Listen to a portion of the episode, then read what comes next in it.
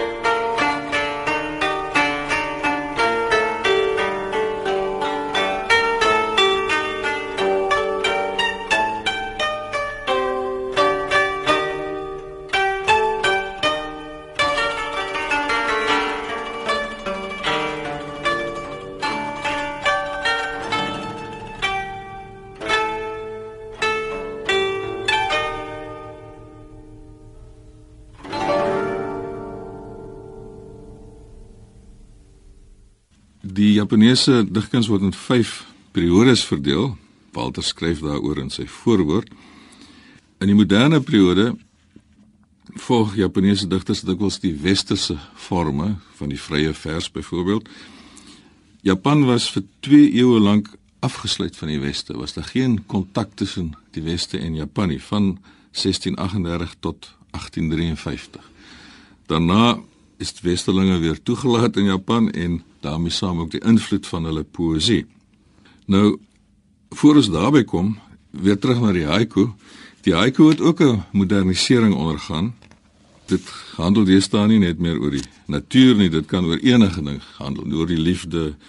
Ek het selfs al haikus gelees oor sport ensovoorts. Maar een van die vroeë moderniseerders van die haiku is Karai Senryu.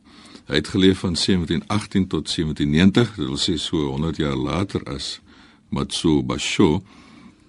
En die soort haiku wat hy geskryf het word dan ook genoem die Senryu. Dit bestaan ook uit 17 lettergrepe, maar hy het nie 'n vaste vorm nie. Met ander woorde, dit bestaan nie uit 3 reëls van 5 7 5 reëls elk nie. Hy gebruik die omgangstaal, dit wil sê nie hoogdrawende poëtiese taal nie en dit is dikwels satiries van aard. Hy spot met menslike swakhede of ander menslike verskynsels. Miskien kan ek so 'n paar van Walter se vertalings daarvan lees. Nou dat hy 'n kind het, ken hy al die name van die dorpshonde. 'n Kind maak altyd vriende met honde en daarom die ouer ook noodgedwonge. Daniel, die inhoud is amper eenvoudig naïef. Ja, dit is redelik eenvoudig, naïef, maar tog diepsinnig. Mens kan miskien nie vir Karai Senryu van diepsinnigheid beskuldig nie, maar hy's wel humoristies, hy's satiries, hy's vermaaklik. Soos in die volgende een. Zen priester na meditasie soek vloeie. Of die volgende. In die hele dorp slegs haar man wat nie daarvan weet nie. nou dit vertel 'n hele verhaal. En daar's nog so 'n paar van hom. As dit mooi gekrul is, loop daar stories die weduwee se hare. En dan 'n haiku waarin 'n koppelaar van 'n prostituut aan die woord is. Sy mag net een oog hê, maar dis 'n mooi een, sê die koppelaar. en dan een wat my baie aanspreek, dit gaan oor 'n man se onbehulpenheid in die huis as die vrou weg is. Die oggend na haar vertrek is hy baie besig. Hy soek alles. en dan nog een wat my aanspreek, die skrywer wat jaar in en jaar uit aan sy magnum opus werk en geen sent daarmee verdien nie. Sy magnum opus terwyl sy vrou naaldwerk inneem. Dis wonderlik. En dan 'n laaste een van Senryu wanneer haar dogter haar maag ingort, ontspan die moeder. Dit beteken sy is nie swanger nie.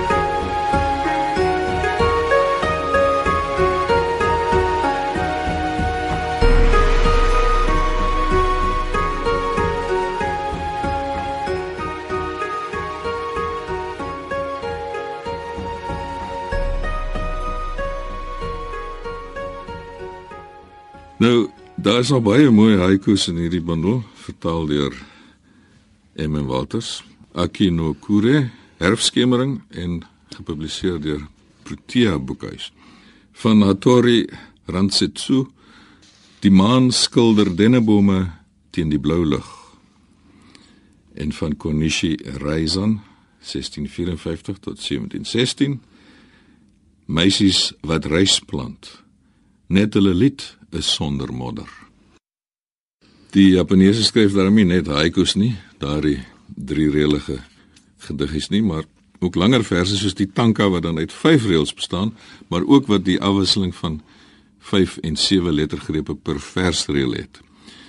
Die heel vroegste een in M.M. Walter se bloemlesing Akinokure, herfskemering is die volgende. Dit is ook van 'n onbekende digter. Heel waarskynlik 'n vrou, 'n digteres dus. Kom na my toe deur die openinge van die versierde blindings. As my moeder sou vra, moeder met die slap borste, sal ek sê dat dit die wind was. Hm. Nou die meisie is nogal seksueel uitdagend en neerhalend hm. teenoor haar moeder wat nie meer mooi borste het nie. Nog 'n tanka deur 'n vroue digter, dit is prinses Oku. Sy was in 'n klooster en 'n uh, priesteres dan seker en haar broer die prins het daar kom besoek en na sy vertrek skryf sy dan die volgende. Hoewel dit ook geïnterpreteer kan word as 'n liefdesgedig dink ek. Selfs wanneer twee saamreis is dit moeilik om oor die berge van die herfs te kom. Hoe sal my heer dan alleen sy weg vind? Dan nou 'n slag op man aan die woord is geskryf deur 'n onbekende grenswag in 700 na Christus. In daardie tyd was daar diensplig geweest vir Japaneese mans. 3 jaar lank moes hulle diens verrig, militêre diens aan die Weskus van Japan om Japan te beskerm deur invalle uit die Asiatiese vasteland. En hierdie onbekende grenswag skryf dan die volgende tanka, die vyfreëlige gedig. Terwyl die blare van die bamboesriet ritsel op 'n koue, ryperige nag, is die sewe lae kleding wat ek dra nie so warm nie, nie so warm soos die liggaam van my vrou nie.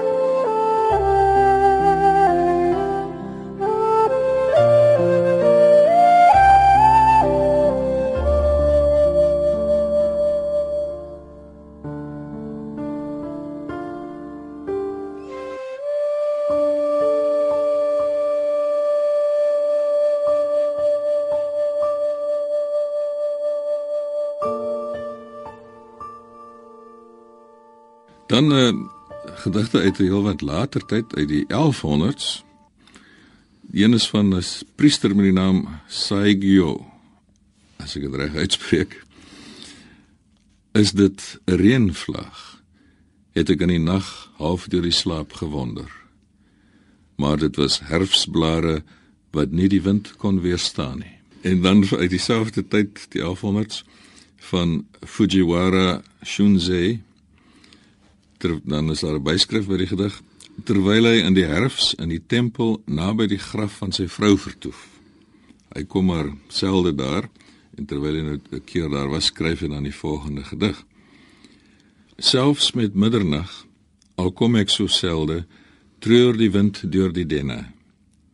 Moet sy in haar graf altyd daarna luister. O, hierdie ou wêreld, daar's geen uitkoms nie. Met my versteurde hart vlug ek in bergklowe, maar ook daar hoor ek die hert kla. Nou Walter skryf hier 'n mooi woordspel in Afrikaans wat waarskynlik nie in die oorspronklike Japaneese gedig staan nie, naamlik hart en hert. Dan uh, by die Japaneese digters van die 20ste eeu wat dan nou duidelik beïnvloed is deur die westerse poësie. En een daarvan is Miki Rofu, hy het geleef van 1889 tot 1964. En die titel is Na die kus. Dit wil sê nou na die soen. Slaap jy? Nee, sê jy. Blomme in my wat op die middag blom. In die gras langs die meer in die helder son. Ek kan my oë toemaak en hier sterf, sê jy. Nou presies hoe westers hierdie gedig is, blyk duidelik as 'n mens dit vergelyk met 'n gedig van die Vlaming Herman de Koning wat ek vertaal het. En dit gaan so wat daar word eintlik presies dieselfde situasie beskryf. Midde in die vlakte van Julie kom ek jou toe tee. Ek woon hier, sê jy. Ek kyk na die blomme. Ja, dit sien ek, sê ek. En waar leer jy die kuns van kortstondigheid? Ook hier, sê jy. Jy was lenig en jou woorde was so deurskynend ek kon jou heeltemal deur hulle sien. En daar lê ek toe in die gras. En wat hou ek in my hand? 'n Oortjie waarin ek die lang woord lieweling uitgiet sonder om te mors.